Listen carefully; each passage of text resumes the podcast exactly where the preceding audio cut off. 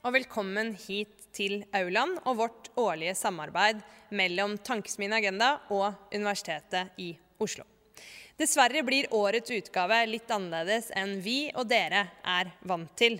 Vanligvis har vi kunnet fylle opp denne aulaen med flere hundre personer, og de internasjonale akademiske stjernene som har stått i sentrum for arrangementet, har tatt plass her på denne scenen. Thomas Piketty, Robert Putnam, Yasha Munch, Raj Chetty, Alice Marwick, Catherine Fieshi, Zainab Tufetchi. I år så er det bare meg og de som etterpå skal i panel, og teknikere her. Det skyldes selvfølgelig covid-19. Heldigvis så har ikke pandemien klart å ta knekken på muligheten for å bli akademisk inspirert, engasjert og informert. Jeg har gleden av å kunne introdusere et digitalt foredrag av den imponerende økonomiprofessoren Amir Sufi ved Universitetet i Chicago. Han har i en årrekke forsket på sammenhengen mellom ulikhet, gjeld, økonomiske kriser og økonomisk vekst. I 2014 så ga han ut boka 'House of Dept' sammen med medforsker Atif Mian. Der viser de to tydelig hvordan økonomiske kriser etterfølger perioder med økende husholdningsgjeld.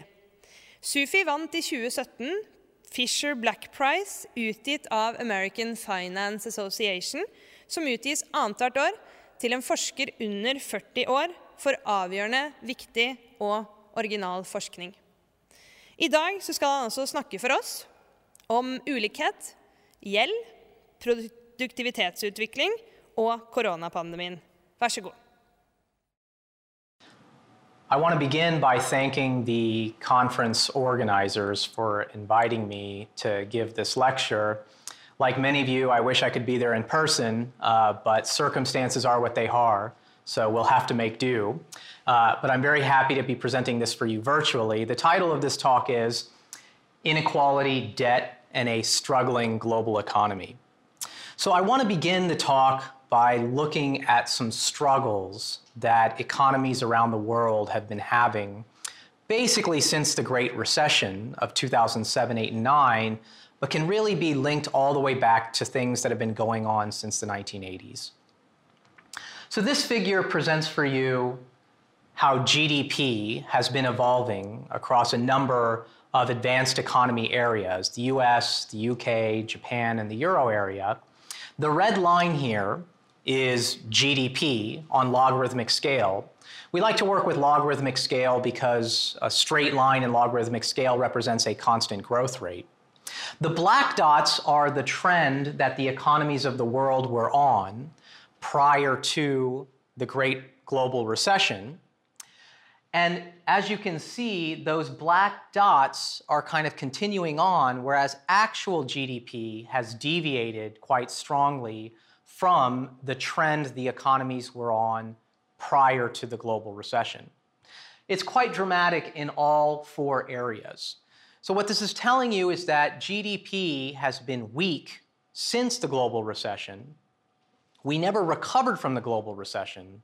And in fact, if anything, we may be deviating further and further from the trend the economy was on prior. Now, this is not only true of the UK, the US, the Euro area, and Japan, it's actually also true for Norway. And so you see a very similar picture when we think about Norway, and that's something I'm going to get into a little bit as we go forward. Now, one of the things economists look to to try to think about whether an economy is strong or weak is we look to the interest rate. Now, why do we look to the interest rate?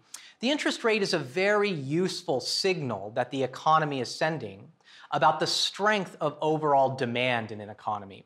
So, for example, if households want to consume more, if they want to borrow more, buy houses, buy cars, if businesses want to invest in capital equipment, in software, we tend to see interest rates go up because there's more demand for financing.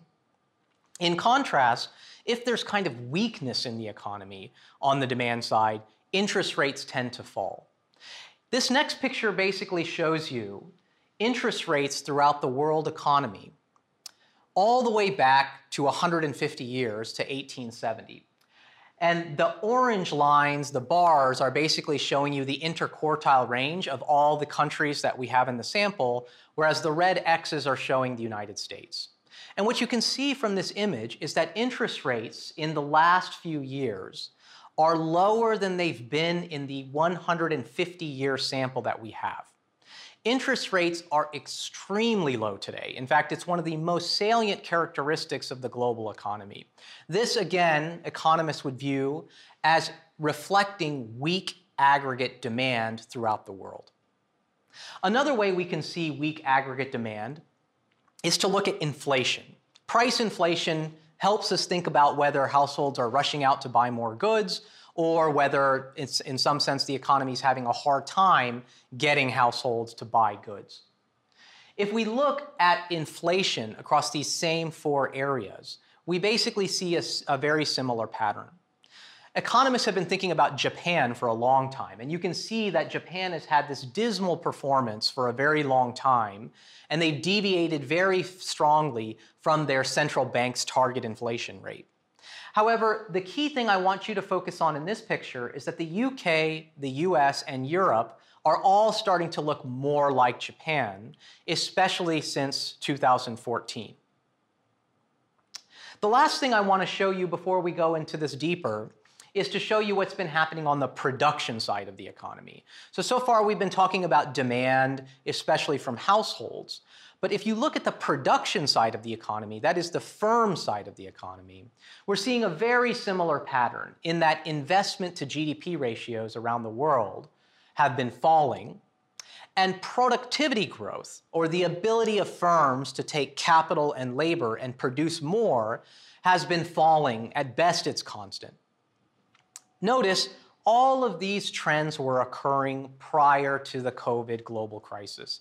I purposely want to think about what the problems were with the economy prior to the pandemic, and then we'll think a little bit more about how the pandemic is likely to exacerbate these trends. So, the bottom line so far is that the global economy has been very weak. It's been very weak since the Great Recession, and it was weak even before the COVID crisis struck. So, what's going on? That's where a lot of research that I've been doing with my co authors, Atif Mian at Princeton, Ernest Liu at Princeton, and Ludwig Straub at Harvard, we've been really trying to think of why exactly the global economy has been so weak. At the end of the day, we can only fix these problems if we know the underlying source of the weakness. I'm going to go ahead and give you our explanation up front, and then I'm going to show you a number of pieces of evidence that tend to support that thesis. Okay? The idea we have in our research is that the rise in inequality, the inequality of income over time, has essentially generated economic weakness because when the rich earn more and more of the economy's output, they tend to save a lot of it, which naturally depresses consumption and demand.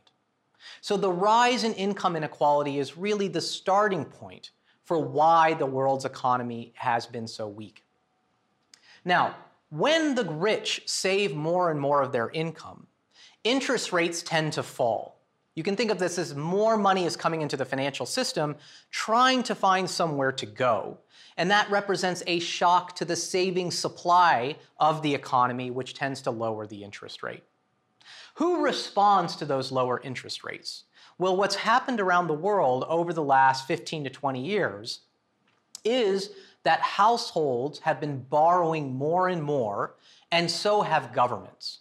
That is, everybody outside of the top of the income distribution tends to be borrowing more. And in fact, as I'm going to show you, in some sense, they are borrowing directly from the rich through this saving supply argument. Now, as that happens, the economy tries to maintain demand by getting non rich people and also governments to borrow and consume. The interest rates tend to fall. However, one detrimental effect of those lower interest rates is that when they get very low, it tends to hurt the production side of the economy, in that market leaders tend to basically respond more strongly to low interest rates they kind of go for the kill, as I'm going to explain in a little bit. And you therefore see a rise in market concentration, you see lower investment and lower productivity growth. And that's really where we find ourselves in the world today. What happens eventually is the economy is trying to equilibrate itself by lowering interest rates, by trying to boost demand through borrowing.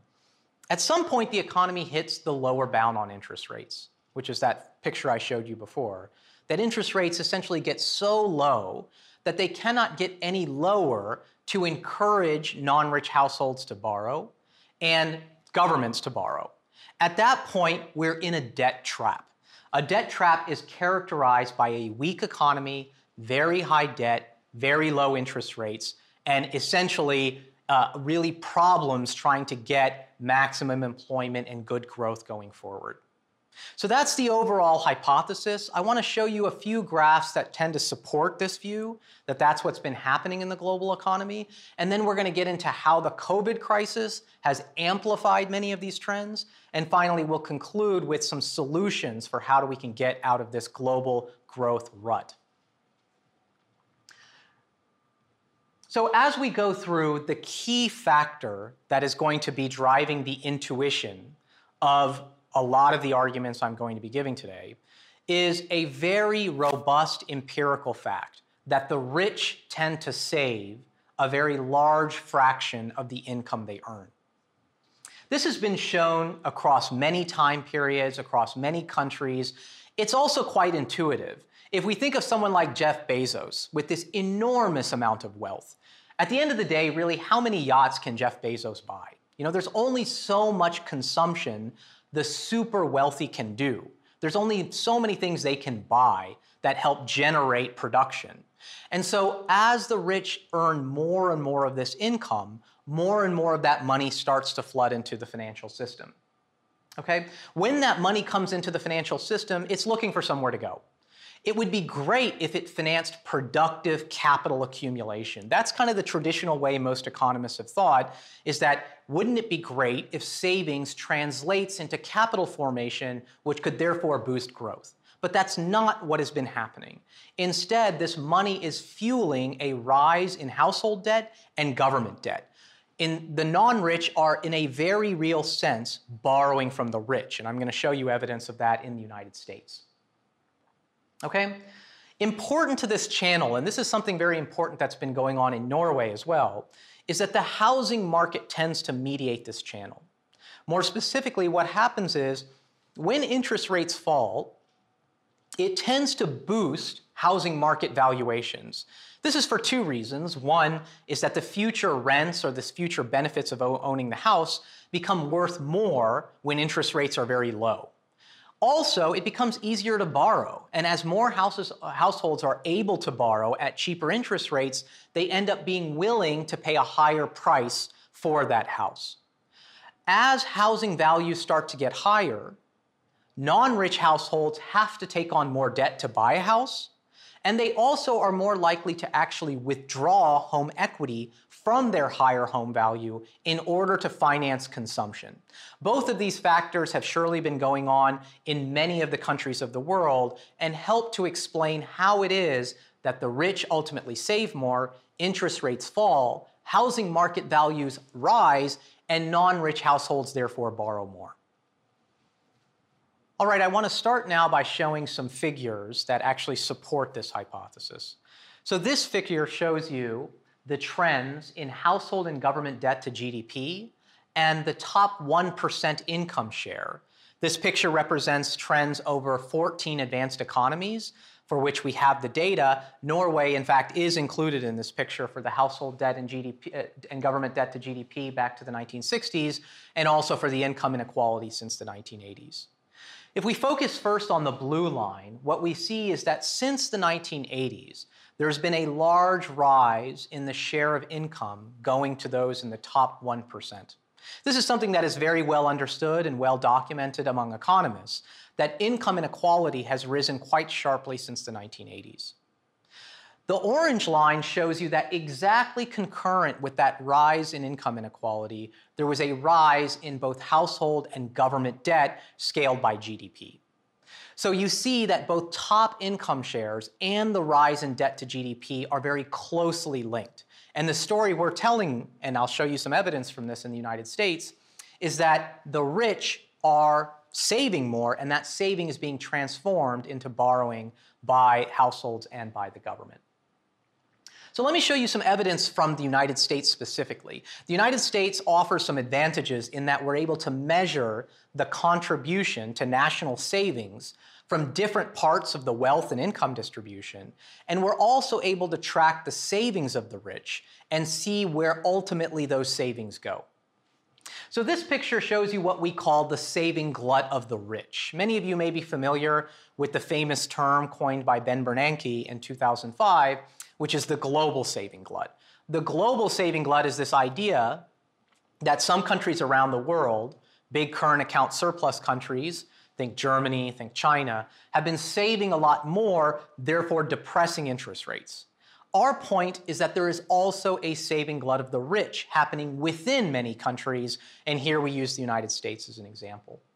So what this picture shows you, this is based on research we've done with, uh, with Atif Mian and Ludwig Straub, it shows you basically that since the 80s, there's been a large rise in the savings of the top 1% of both the wealth and the income distribution scaled by national income.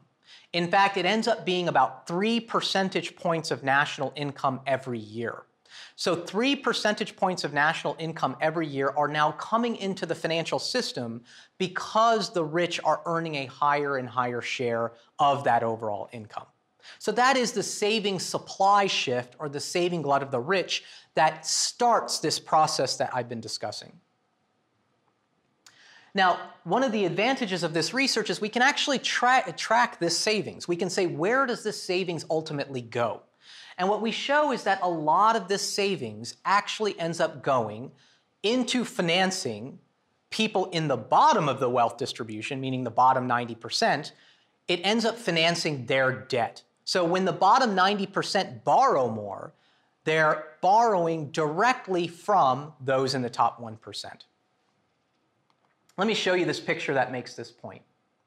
This picture shows you the net household debt positions across the wealth distribution in the United States.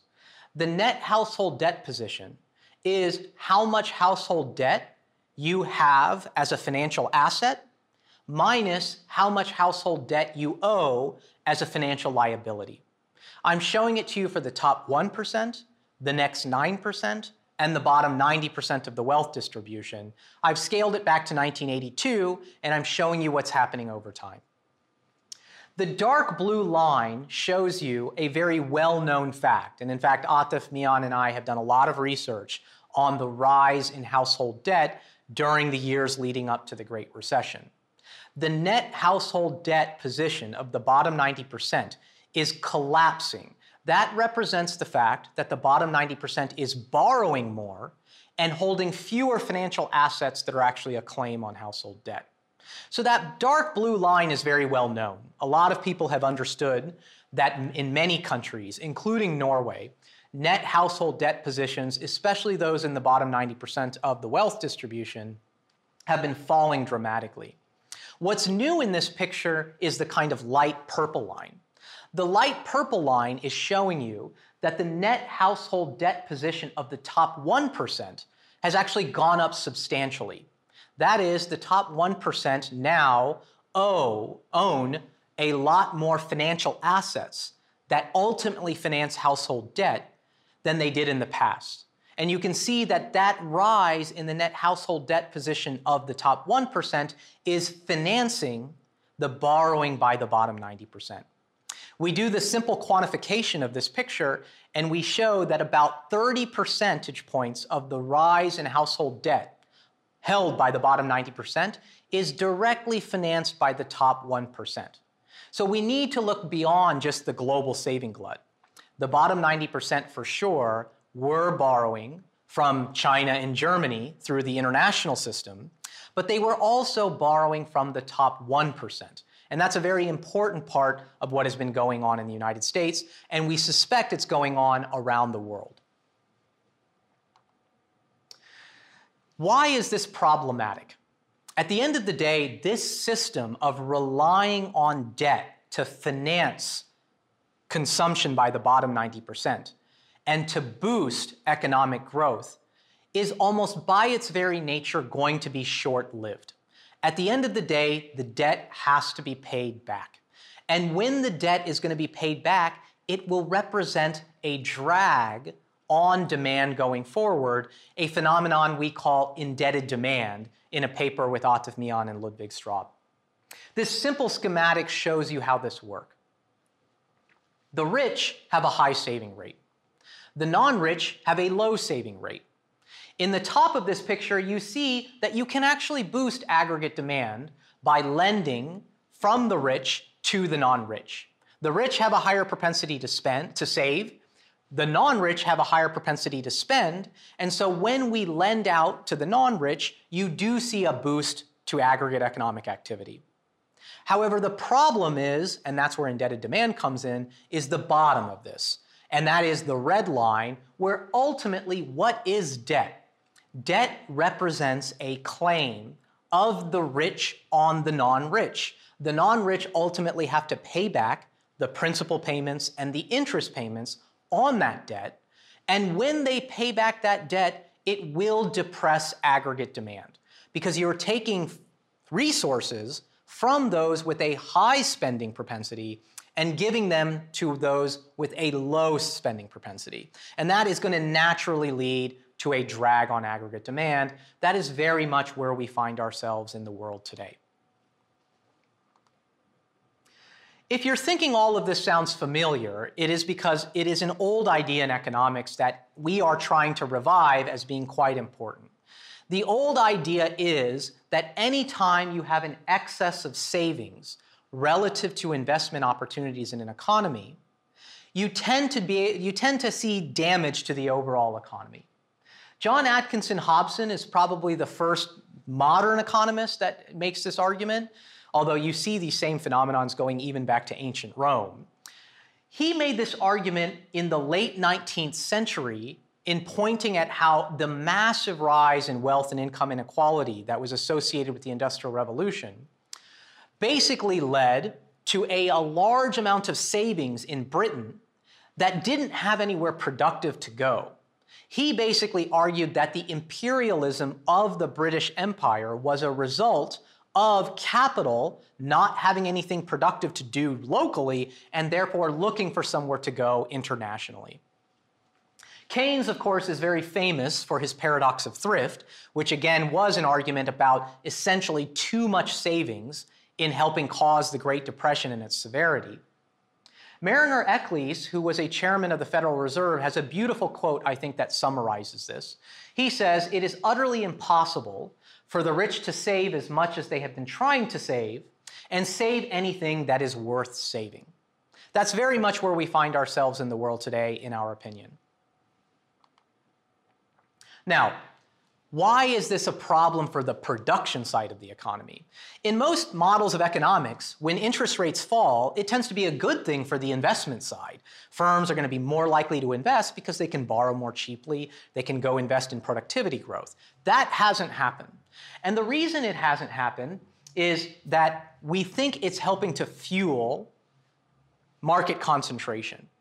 But before I get to that point, I want to make the more general point that really low interest rates that the world is currently seeing have a number of disadvantages, and therefore we don't think we should rely on just really low interest rates to solve our problems. For example, throughout history, we know that cheaper borrowing has been associated with credit booms gone bad. The global financial crisis is the most recent manifestation, but we now have evidence across a number of historical time periods and a number of countries that show whenever credit becomes too easily available, it tends to lead to a boom that ends in a painful bust. We also know that persistently low interest rates that we are experiencing in the world economy weaken the ability of central banks to battle cyclical downturns the central bank has as its primary tool lowering interest rates. If interest rates are already up against the effective lower bound, they're not going to be able to do that very effectively. Finally, low interest rates might also be bad for the production side of the economy. And we're seeing a large amount of research starting to make this point over the last, say, five to 10 years. Let me go through this argument. The argument that low interest rates can be bad for the production side of the economy comes uh, from a, lot of, a, a, number of papers. One paper we've worked on with Atif Mian at Princeton and Ernest Liu at Princeton is the idea that very low interest rates actually encourage market concentration. The basic intuition behind the theoretical model is that when interest rates get very low, the prize for being the market leader becomes very large because you get this present value of these super valuable cash flows.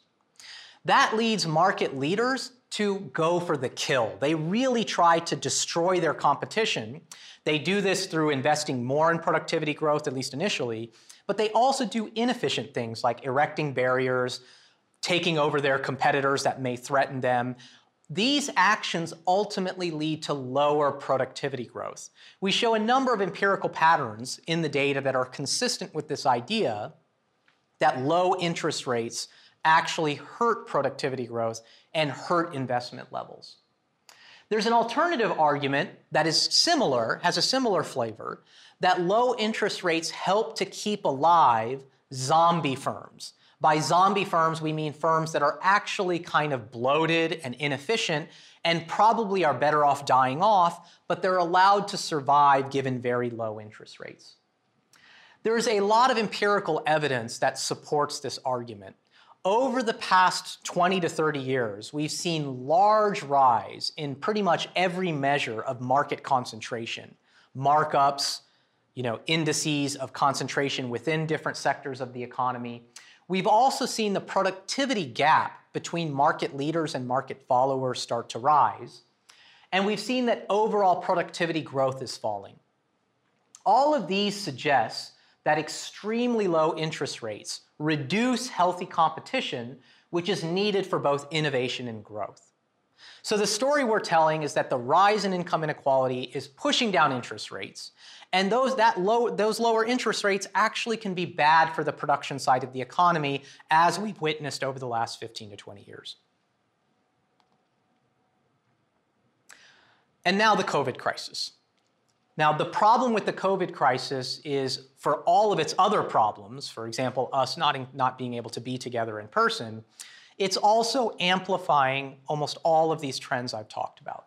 So, for example, what have we been seeing with the COVID health crisis? We've been seeing a sharp decline in interest rates. They were already very low, now they're even lower. We've seen a sharp decline in household spending, and we've seen a sharp decline in inflation expectations. All of these indicate even weaker demand. The problem was already weak demand, and now we have an even worse problem coming from the COVID crisis. Another thing that is specific to this story that I'm telling for you here today is that a lot of empirical research is now coming out showing that people in the higher part of the income distribution are not seeing a decline in income, but they are seeing a sharp decline in spending. Similar income, lower spending means the saving glut of the rich is getting even larger today than it was prior to the COVID crisis. The saving glut of the rich is really one of the main sources of our economic difficulties, and we think this is only being amplified by the COVID crisis. Finally, governments and central banks are actively encouraging more debt accumulation by households and businesses. We've already talked about how that might help boost demand in the short run, but ultimately will lead to a larger drag on demand going forward. And that is what we fear is going to happen going forward. So, very doom and gloom talk. Uh, and I know that it looks very pessimistic based on the points I've given you. But I'm a firm believer that if we understand why the economy is very weak, we then have an opportunity to figure out solutions to this global weak economy. And I want to walk you through some of the solutions we believe will be helpful in overcoming some of these problems. First and foremost, we must tackle the structural sources of the rise in income inequality. Income inequality, in our view, it represents a serious difficulty and challenge to the global economy. It may very well be one of the main sources of global economic weakness. It is time for us to move beyond looking at income inequality just in a casual lens, and we actually need to take the reforms that are necessary to tackle the structural sources of income inequality. This means investing more in whatever we can invest in to help boost middle class incomes. This means to reverse the long term decline in bargaining power for those working in the middle income, uh, uh, middle part of the income distribution. And it means taking seriously different forms of taxation that can help reduce income inequality both in the short and medium run. The second main solution is that given that the private sector is seeing a decline in investment and a decline in productivity growth, it is time that we encourage intelligent, well targeted government spending on infrastructure, on education, on green technology. These are exactly the kinds of spending that can help boost aggregate economic activity and productivity growth, which is what the world economies desperately need. The third thing that we need to do is we need to explicitly recognize the distributional effects of government policy. What do I mean by that? I mean, if the government is going to do an infrastructure project, if the returns to that infrastructure project simply accrue to those in the very top of the income and wealth distribution, then it's going to be less beneficial for the overall economy if the returns target those outside of the top of the income distribution when we're thinking about income growth and consumption growth. Finally, when we think about the tax side of things, we seem to be living in a world in which everyone thinks that it's totally okay for the government to just borrow its way out of all these problems. I totally agree that in the short run, given the COVID crisis, governments should borrow and spend and redistribute in order to offset the impacts of this COVID crisis. However, government debt does ultimately lead to indebted demand, very similarly to the way household debt does. And as a result, governments should definitely spend. Governments should target smart, intelligent infrastructure investment. But we need to think about financing that through progressive income taxation and even wealth taxes where they might be needed in order to basically get to a sustainable position that helps encourage aggregate demand going forward. So, in conclusion, let me talk about something broader. At the end of the day, if you look around the world, in the natural world, what you try to see and what you see in healthy systems is a notion of balance and harmony. You see it in our solar system. You see it in our ecosystem if it's working properly, and you even see it within organisms, the human body. If everything's in well, good harmony and balance, we tend to see good outcomes. However, in contrast, we all know that nature is very unkind to systems that become completely out of balance. In this sense, we believe that in recent years, rising income inequality has thrown the world economic system out of balance. And we need to encourage active policies that will help restore that harmony and balance that's needed for long term economic growth. Thanks for your time. Da har vi fått høre et foredrag om ulikhet, gjeld, produktivitetsutvikling og koronapandemien av professor i økonomi Amir Sufi, som har levert banebrytende forskning på dette området. Vi skal nå diskutere hans forskning mer i detalj, og også dette temaet mer generelt. Til å gjøre det så har jeg fått besøk av tre forskere. Den ene har nettopp begynt som postdoc ved eh, Institutt for samfunnsøkonomi ved BI etter å ha fullført sin doktorgrad ved Stockholm universitet. Hun har spesielt forsket på boligmarked og pengepolitikk. Velkommen til deg, Karin Kinnerud. Takk så mye. Vi skal også ha med oss to fra Universitetet i Oslo.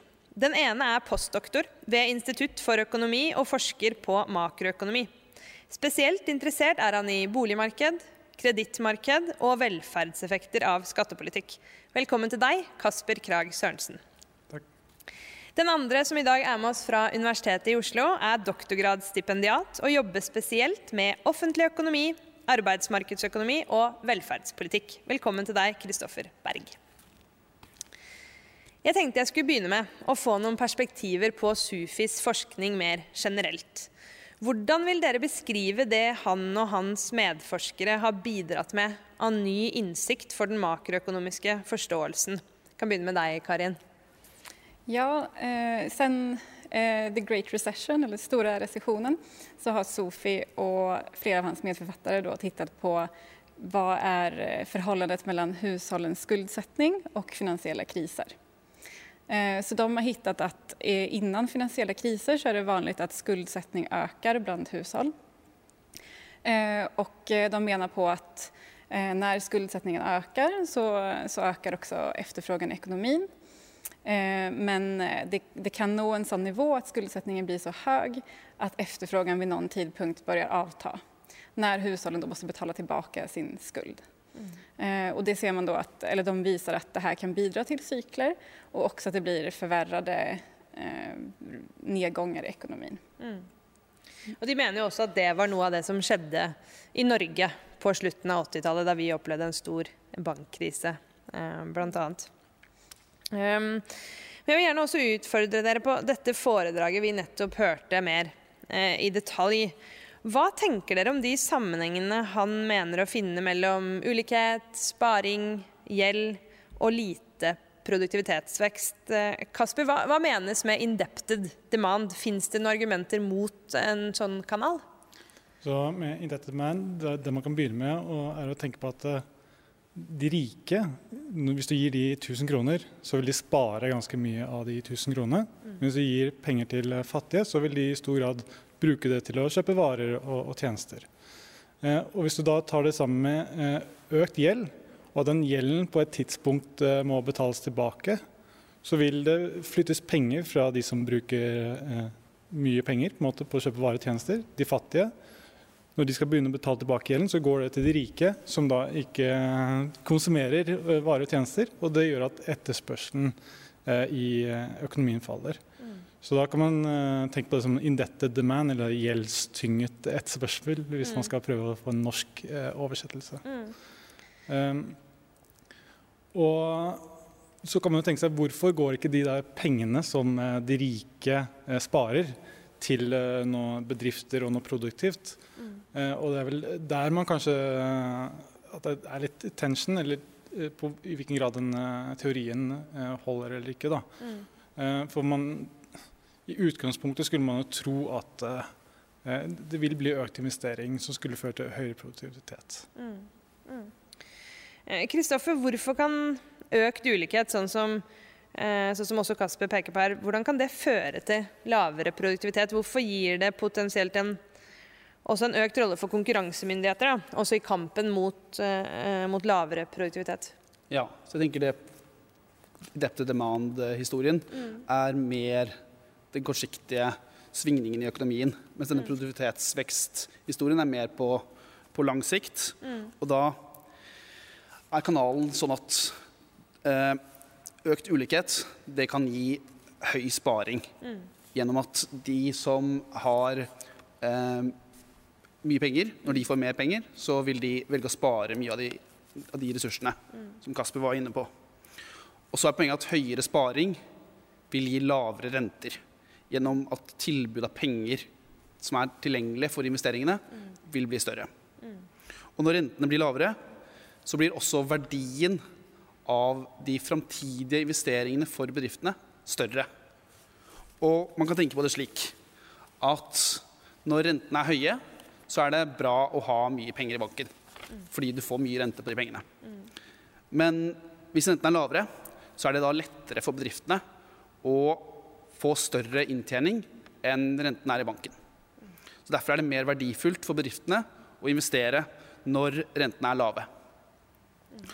Så ulikhet gir mer sparing, sparing gir lave renter, og lave renter gjør verdien av framtidig inntjening for bedriftene høyere. Så er poenget at dette gjør at det er en større fordel å vinne markedet. Så siden det er mer verdifullt å ha fremtidig inntjening, så vil det være en større fordel å vinne hele markedet. Og det vil gjøre at noen større bedrifter vinner en større del av markedet. Så man får mer konsentrasjon. Og får man mer konsentrasjon i markedet, så vil konkurransen kunne svekkes. Og dermed vil produktivitetsveksten på sikt kunne svekkes.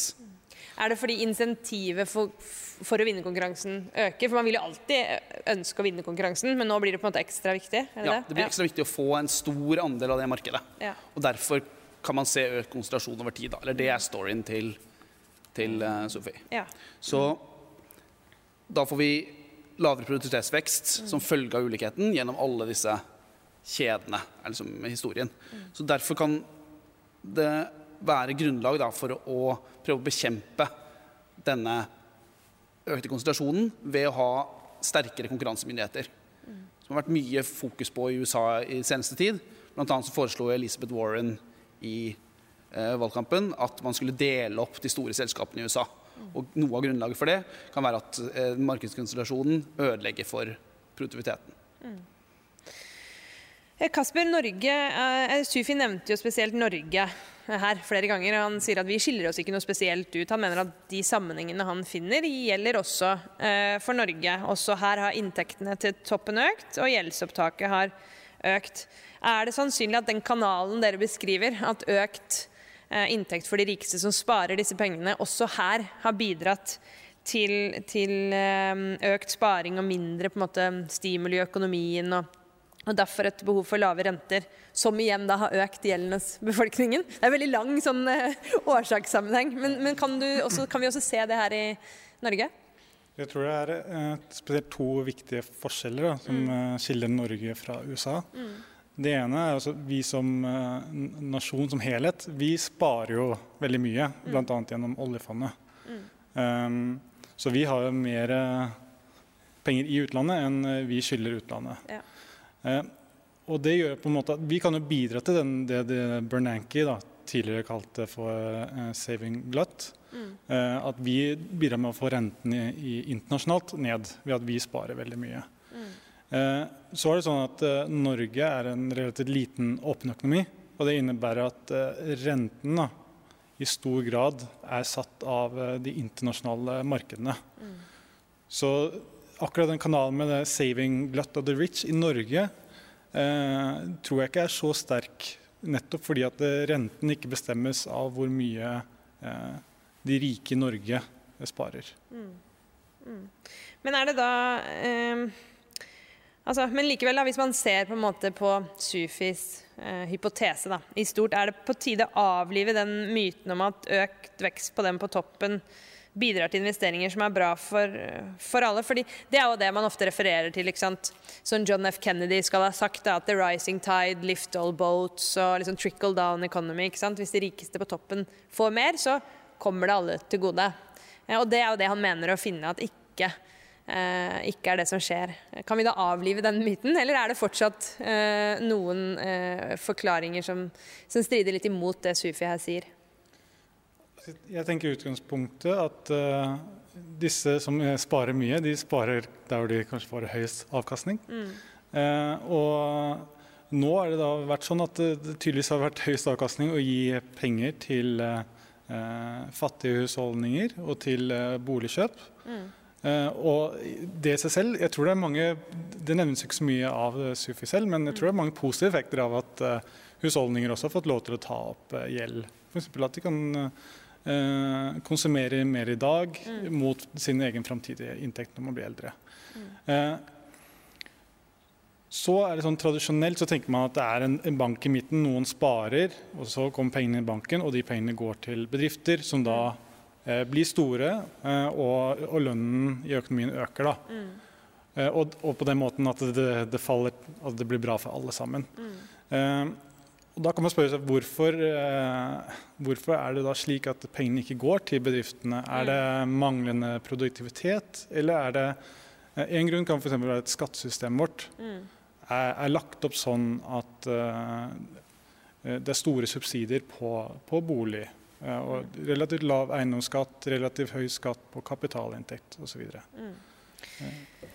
Vi skal komme litt mer tilbake til løsningene mot, eh, mot slutten. Eh, men Kristoffer Sufi han peker tydelig på at, at eh, vi ser jo en del forverrede, forsterkede problemer selvfølgelig nå pga. Eh, koronakrisen. Men, men, men, likevel at dette var ting som startet før, eh, som nå kan bli enda verre. Hvordan ser det ut, spesielt hvis vi ser på Norge? Ja, jeg tenker at covid-krisen gjør situasjonen verre. Av to hovedårsaker så for det første blir flere arbeidsløse. Mm. Og for det andre så har mange land i verden puttet mye penger inn i økonomien og i bankene, som har gjort at eh, verdien på formuesobjekter faktisk har økt i mange tilfeller. Mm. Som gjør at de aller rikeste har blitt eh, rikere, samtidig som en del av de fattigere har blitt arbeidsløse. Så ulikheten har økt. Og hvis denne historien da stemmer, at man kan gå fra ulikhet til lavere produktivitetsvekst, så kan du få problemer med det på sikt. Mm. Samtidig har jo politikken i mange land under koronakrisen vært veldig rettet mot å holde eh, folk eh, i gang, og at, at, at, alle har tilgang til en viss inntekt. F.eks. i USA har man gitt ganske store summer til folk som har mistet jobben. Mm. Og I Europa har man dette gjennom de forsikringsordningene man allerede har, at man gir en del penger til de som mister jobben. Så i noen grad har politikken også motvirket mm. dette. Mm. Men her i Norge har man jo også gitt en del støtteordninger til kapitalen. Mm. Eh, hva tror du vi kommer til å se store økte ulikheter også i Norge etter dette? Ja, hvis, hvis det er slik at, at, at formuesobjektene reflekterer den reelle verdien, ja. og de vil fortsette å stige så er det naturlig at da vil ulikheten øke. Men ja, det kan jo være et tegn til at det at man har plutselig så mye penger inn i økonomien, kan bety at uh, verdiene på formuesobjekter nå er noe høy. Da. Det er jo litt merkelig å se høye børser sammen med at økonomien ellers går, dårlig. Går dårlig. Mm. Ja, som vi var inne på innledningsvis, er jo Sufi mest kjent altså for forskningen sin på forholdet mellom gjeld og kriser, sånn som du sa i stad, Karin, at han viser at høy, veldig høy gjeld. Eh, hvis man ser altså En fellesnevner på mange kriser da, er at de har vært eh, innledet med perioder med veldig høy eh, husholdningsgjeld.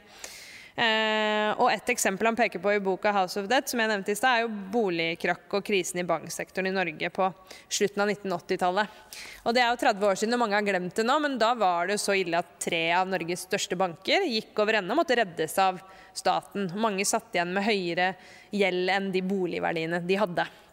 Um, og I dag da, så har vi en gjeldsgrad som ifølge Finanstilsynet er på rundt 240 av BNP. Altså, Hva innebærer det, og hvor farlig, hvor farlig er det? Eh, det er en ganske svår spørsmål. Altså, det har ja. studert ganske mye både på landsnivå, liksom hur skuldsatta mm. länder är och även hur skuldsatta bo, eh, eller hushåll är. Mm. Och vilken nivå som är farlig eller när det börjar bli farligt, det är inte någonting vi har ett enkelt svar på. Eh, men eh, Eh, vad man kan säga är att vad de har sett är att när det har skett en tydlig ökning i skuldsättning eh, då kan det liksom, eh, leda till kriser. Mm. Men att man har en hög skuldsättning som på nivån ganska hög skuldsättning behöver inte betyda att det är mm. eh, ett osäkert system. Och precis som Kasper nämnde så tror jag att det är viktigt att fundera på vilken typ av skuldsättning är det? För det finns det, all typ av skuldsättning är inte dålig. Mm. Utan skuldsättning kan ju vara bra på olika sätt. Mm. Eh, dels för att vi, när man är ung så tenderar man att ha lägre inkomst än när man blir äldre. Då kan det vara helt logiskt och bra att låna när man är ung och betala tillbaka det senare så kan man ha en mer liksom, eh, eh, högre konsumtion tidigt eller tidigare än senare, eller så man kan smutta ut sin konsumtion över mm. livscykeln. Mm. Eh, och sen är det också så att när man har jag tycker man kan skilja på skuldsättning som eh, finansierar ett bostadsköp till exempel, som man finansierar eh, en tillgång eh, mot att skuldsätta sig för att bara konsumera. Mm. för när du, när du har, tar upp ett bolån för att köpa ett hus, eh, du kan ju ha 50% belåning och det skulle du kunna ha hela ditt liv utan att det är något problem. Mm. Så det är ganska olika. Mm. Så det, det, finns ganska många faktorer tror jag man behöver ta in för att kunna bedöma om Eh, den nivån på skuldsättning vi har nu är farlig. Mm. Eh, och det har ju också varit ganska många eh, regleringar eh, av finansiella institut på senaste tiden i, i Norge och i Sverige mm. eh, som ändå ser till att man kan inte låna så mycket. Man kan inte låna så mycket som andel av sin inkomst. Man kan inte låna så mycket, mm. eller det finns en gräns för hur mycket du kan låna som andel av husets värde om du köper ett hus. Mm. Eh, så alla de här regleringarna ser också till att vi inte är i närheten av den typen av skuldnivå som var innan the great recession när man kunde låne låna liksom över 100 procent av värdet på mm. ens fastighet. Eh, och du kunde till och med öka din belåning för att du förlitade dig på att hushåll, eller hus, eh, huspriserna skulle stiga framöver och sånt här. Mm. Eh, där är vi ju inte riktigt nu. Nej. Likevel for Norges del så er det jo spesielt fordi mens de andre landene i OECD og Europa har redusert gjelden sin etter finanskrisen da, i 2008, så har jo norske gjelden fortsatt å øke. og Derfor er jo Finanstilsynet eh, bekymret. Men, men, Kasper, altså vi hører jo med jevne mellomrom eh, om boligboble. ikke sant? Og det som kjennetegner en boble, at det er vanskelig å se det når man er i det, så, så klarer man ikke å se det før det eh, sprekker. Men, men, det vet vi at hvis, hvis, det er en boble, så gjør det jo det til slutt. De sprekker. Eh, og I Norge så har boligprisøkningen vært det dobbelte av inntektsveksten de siste 20 årene, og i, pressområder som Oslo f.eks. enda høyere. Eh, ser vi en boble, og når Litt sånn stille samme vanskelige spørsmål til deg som til Karin. Da. Når blir boligprisene for høye? Når er det farlig? Ja, det er veldig vanskelig å vite når det er en boble, som du selv sier. Men eh, hvis man skal prøve å definere hva en boble er, da, så er det at den, prisen er sånn at de ikke kan forklares av det man kaller fundamentale faktorer. Mm. Så, Hva er det? Hvilken, så lønnsinntekt f.eks., mm. eller renten. Så hvis man har høyere lønn, mm. så kan man jo fint betjene et høyere boliglån og kjøpe dyrere hus. Mm. Eller hvis renten er lavere, så kan man også betjene eh, et, la, et, høyere boliglån og kjøpe dyrere hus. Mm. Eh, og Jeg har selv ikke gjort noen analyse på det her, men av det jeg har sett, bl.a. Uh, gjort av noen i Norges Bank, mm. så tyder det på at uh, boligprisene i, i Norge kan forklares av disse faktorene. Mm. Så på den måten er det ikke noe tegn til noe, hva man skal kalle en, en boble. Mm. Um, så er det så klart at disse her eh, underliggende faktorene kan jo endres. Og, mm. og da man jo, kan man se svingninger i, i boligprisene. Jag tror detsamma i, oj, förlåt. Jag tror detsamma i, i Sverige. Att ja. Om man tittar liksom på hur stor andel av ens eh, utgifter lägger man på borelaterade kostnader mm. så har inte de stigit så där förfärligt mycket för räntorna är just väldigt låga så det kan mm. också möjliggöra att man har eh, högre bolån utan att man är liksom constrained eller att man lägger väldigt mycket av sin inkomst på ja. bokostnader. Så. Mm. Ja, så tenker jeg at Oslo har vært en av Europas raskest voksende byer ja. lenge. Og boligprisene i Oslo har ikke vært veldig høye sammenlignet med andre europeiske byer. Så det kan også bety at man nærmer seg et, et mer europeisk nivå. At det ikke det nødvendigvis eh, betyr at, eh, at det er noen boble, men at eh, det kan reflektere at eh, det er en større verdi av å bo i byen enn det var tidligere. Mm. Men hvem er det som rammes hardest om vi får en boligboble som sprekker, eller om f.eks. den krisen vi står i nå blir langvarig. Da. I Norge nå så har vi jo ikke Mange spådde jo først et, et krakk i boligmarkedet da koronapandemien eh, kom og vi måtte stenge ned samfunnet. og Det har vi jo ikke sett. Tvert imot det motsatte. Men hva skjer dersom denne krisen blir langvarig og folk liksom får langvarige betalingsproblemer? Hva tror du, Kasper? Ja, Nok et vanskelig spørsmål. Men uh, hvis jeg kan lene meg litt mot uh, Sufi, da. Så mm. i forskningen der så ser du at det, de som reduserer konsumet sitt mest, da, altså hvor mm. mye de kjøper av varer og tjenester, eh, når boligprisene faller, det er de som i utgangspunktet hadde ganske mye gjeld da, mm. i forhold til eh, boligverdien.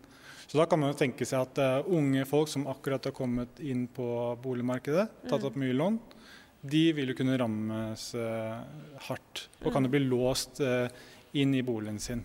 Mm. Fordi all egenkapitalen eh, potensielt kan forsvinne ved et stort boligprisfall. Mm.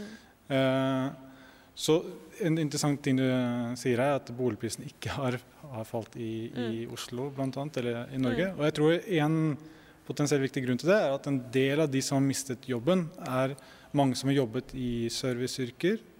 Eh, der man, I restauranter f.eks., der man ikke nødvendigvis var på vei inn i boligmarkedet. Mm. Mens alle, veldig mange som har høy inntekt, de har sett en lavere eh, rente uten å ha fått en stor reduksjon i inntekten, i hvert fall nå på kort sikt. Mm. Og det tror jeg har bidratt veldig til en økt boligpris nå. Mm. Um, men det er klart, går det dårlig over lang tid, så vil det trolig også kunne gå dårlig i, i boligmarkedet. Mm. Jeg tenkte vi skulle se litt mer på løsningene for Sufi i dette foredraget. Eh, og dessuten i, i, boka si 'House of Depth' så peker han jo ikke bare på utfordringer og problemer, men han skisserer også flere ganske konkrete grep som han mener må til for å løse utfordringene. Eh, for det første så mener han at vi trenger mye sterkere politikk for å løse det han kaller de som er sånn strukturelle kildene til eh, inntektsulikhet. Og han peker bl.a. Eh, på altså, å gi altså, økt forhandlingsmakt gjennom fagforeninger. Og en, et behov for mer progressiv beskatning. Og Det er jo forslag som ikke er helt nye i debatten. Thomas Piketty som har vært her før, har jo pekt på behovet for det samme. Hva Er det rett medisin, um, gitt at tesen hans om at ulikhet bare øker sparingen og ikke bidrar til å løfte økonomien? Jeg tenker at hvis, hvis den teorien er sann, da, mm. at uh, økt ulikhet kan bety lavere produktivitetsvekst, mm. så er det et ekstra grunnlag for å ha lavere ulikhet. Ja. Og Da kan progressiv beskatning være blant de mer effektive måtene å få lavere ulikhet på. Mm. Og, mens det å samtidig styrke fagforeningsmakten er kanskje litt mer uklart hvordan politikken skal gjøre det. Og I Norge står jo fagforeningene mm. fortsatt sterkt. Mm. Så det er litt uh, mer uklart hvordan man skal få til det. Mens uh, progressiv beskatning vil, vil ofte være den mest effektive måten å å redusere ulikheten på. Mm. Det som Piketty er opptatt av, er vel litt at sant, spesielt i Norge står jo fagforeningene fortsatt ganske sterkt, mens i mange land har jo på en måte oppslutningen og organisasjonsgraden falt over tid, og man har mista forhandlingsmakta. Um, men så er det jo et utfordrende politisk spørsmål hvordan man skal bidra til å øke uh, organisasjonsgraden, selvfølgelig. Men her i Norge står det jo fortsatt ganske høyt på agendaen at det er viktig. Så tenker jeg at, også at skattepolitikken kan påvirke den strukturelle ulikheten. Ja. Så SAS, Piketty og Stancheva har et artikkel sammen hvor de ser på høy skatt på toppen, mm. og viser at høy skatt på toppen kan gjøre at de aller rikeste kjemper mindre om mm. å få høyere inntekter. Mm. Som kan hvis, hvis, mye av inntekten deres reflekterer at de kjemper mye om å få mm. høye inntekter, mm. så kan du også redusere den strukturelle ulikheten ved å mm. ha høye skatt på toppen. Men det er jo en en annen liksom, tilleggshistorie mm. til Sufis fortelling. Mm. Men det har vært et skifte her også i sånn, den økonomiske forståelsen av dette. fordi jeg opplever jo også at organisasjoner som Verdensbanken og IMF og OECD de siste årene har pekt på flere ganger behovet for å redusere ulikheten også gjennom å gjøre endringer i skattesystemet. At de ikke nødvendigvis er så redd for at det skal gå utover veksten sånn som man var før. Ja, det tror jeg mm. stemmer at, ja, at IMFs forslag har blitt mer radikale på den siden, og at de er mer opptatt av ulikhet i alle sine politikkforslag. Mm. Mm. Men, eh, men Sofi her har jo ändå fokus på USA ja. Og det kjennes som at till exempel Piketty har ju poängterat att vi har ganske progressiva skatter mm. på inkomster i Norden ja. men at kapitalet kanskje er litt ja. mer eh, ojämlikt fördelat så att mm. kapitalskatter er noe han har poängterat, i varje fall i Sverige vet jag, snarere enn kanskje just progressiv, mer progressiva inkomstskatter. In, mm. Mm. Eh, Karin, for det andre så sier han jo at vi må øke offentlige investeringer, da spesielt i grønne prosjekter, som jo alle er opptatt av nå, og infrastruktur, for å demme opp for færre private investeringer og produktivitetsfall. Eh, er det rett medisin? Eh, jeg tenker at eh, det han det han har i åtanke her er at man skal gjøre investeringer eh, som, er, som man ändå skulle ha gjort ved noen tidpunkt, mm. så infrastruktur till exempel. Och det är ju ganska traditionellt att det kan vara en bra tidpunkt att göra när det är en lågkonjunktur. Mm. Eh, men sen är frågan om den lågkonjunktur eller den låga produktiviteten som han poängterar, mm. det har ju varit liksom ända sedan 2007. Mm. Så det är inte någon så jättetillfällig svacka. Så då är frågan om det är liksom ett hållbart sätt att, att attackera det genom att säga att offentliga eller liksom, eh, staten ska gå in och, och, satsa på investeringar mer under lång tid. Vi vet inte liksom när vi kommer komma ur den här, eller kommer vi någonsin komma i, i fatt den eh, tappet i produktivitet, produktivitet som skedde vid stora recessionen. Mm. Så att jag tycker att det kanske är lite oklart. Eh, och generellt sett så eh, har jag svårt att tro att, liksom, att staten ska ha, ha, en bättre förmåga att välja ut bra investeringar än vad företagen har. Så då är vi lite tillbaka på den eh, punkten som Kasper nämnde att vi bör kanske, den stora frågan är att fundera varför är investeringar låga? Mm. Eh, är det någonting vi kan göra med skattesystemet eller ja, hur ska vi se till att, att företagsinvesteringar blir högre eller vad är problemet eh, varför de har varit låga? Mm. Det kan være viktigere å kjempe mot markedsmakten enn å ha veldig mye mer statlige investeringer. vil være mm. unntaket, siden markedsmakten går mer på det som kan være det strukturelle problemet under. da. Mm. Hva er liksom hovedproblemet? Hvis vi går tilbake til det med markedsmakt, dere var inne på noe av det, men hva er hoved... Uh, jeg vet vi skulle diskutere løsninger, men jeg bare fikk lyst til å stille et oppfølgingsspørsmål på det. Hva er hovedproblemet når man får måte, et veldig konsentrert og Man suger opp i seg all konkurranse og får på en måte en dominerende aktør på et felt? Det betyr jo ofte at de kan sette høyere priser og ha høyere profitt samtidig som de ikke trenger å være like produktive. Mm.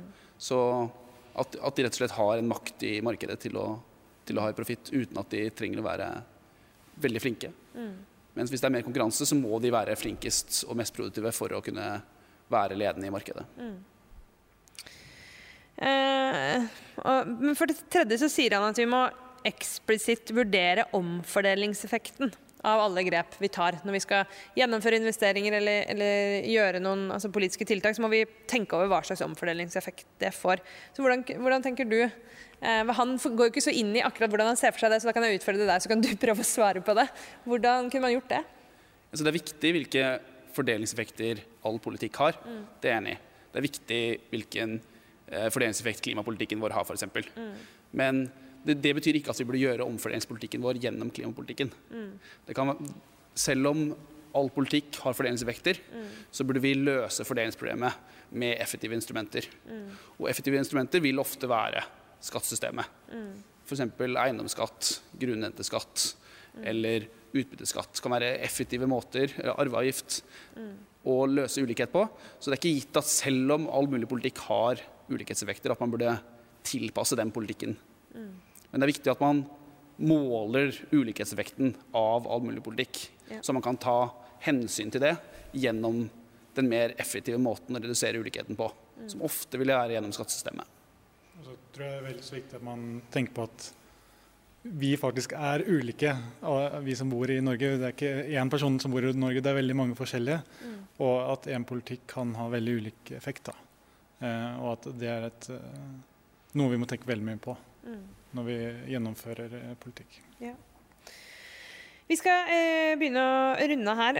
og Nå skal jeg stille dere et enda vanskeligere spørsmål. Eh, hvis dere skulle gitt råd til politikerne i Norge, basert på det eh, Sufi her peker på i forskningen sin og i foredraget han har i dag, eh, hva ville dere vurdert mest, vært mest oppmerksomme på, og hva, hva, hvilke grep ville dere vurdert for å bedre situasjonen? Da, for å sørge for mer produktivitet og vekst og mindre ulikhet og lavere gjeld. Alt på en gang, eh, eh, hvis dere får til. Uh, ja, jeg kan vel prøve å begynne. Ja, gjør det. Nei, men jeg tror Det ene er jo å passe på at man har øynene åpne når det er hurtigvoksende gjeld i økonomien mm. blant husholdningene. Mm. Og det tror jeg i veldig stor grad at norske myndigheter allerede gjør. Mm. så der er de på hvalen. Mm. Um, Ellers så snakk, har vi snakket en del om eh, skattesystemet. At vi må tenke veldig nøye over hvorfor er det sånn at eh, pengene går til å finansiere gjeld, og ikke til eh, investeringer. Mm. Og om det er noe vi kan gjøre i skattesystemet der. Mm. Da har bl.a. eiendomsskatt vært eh, nevnt flere ganger. Mm.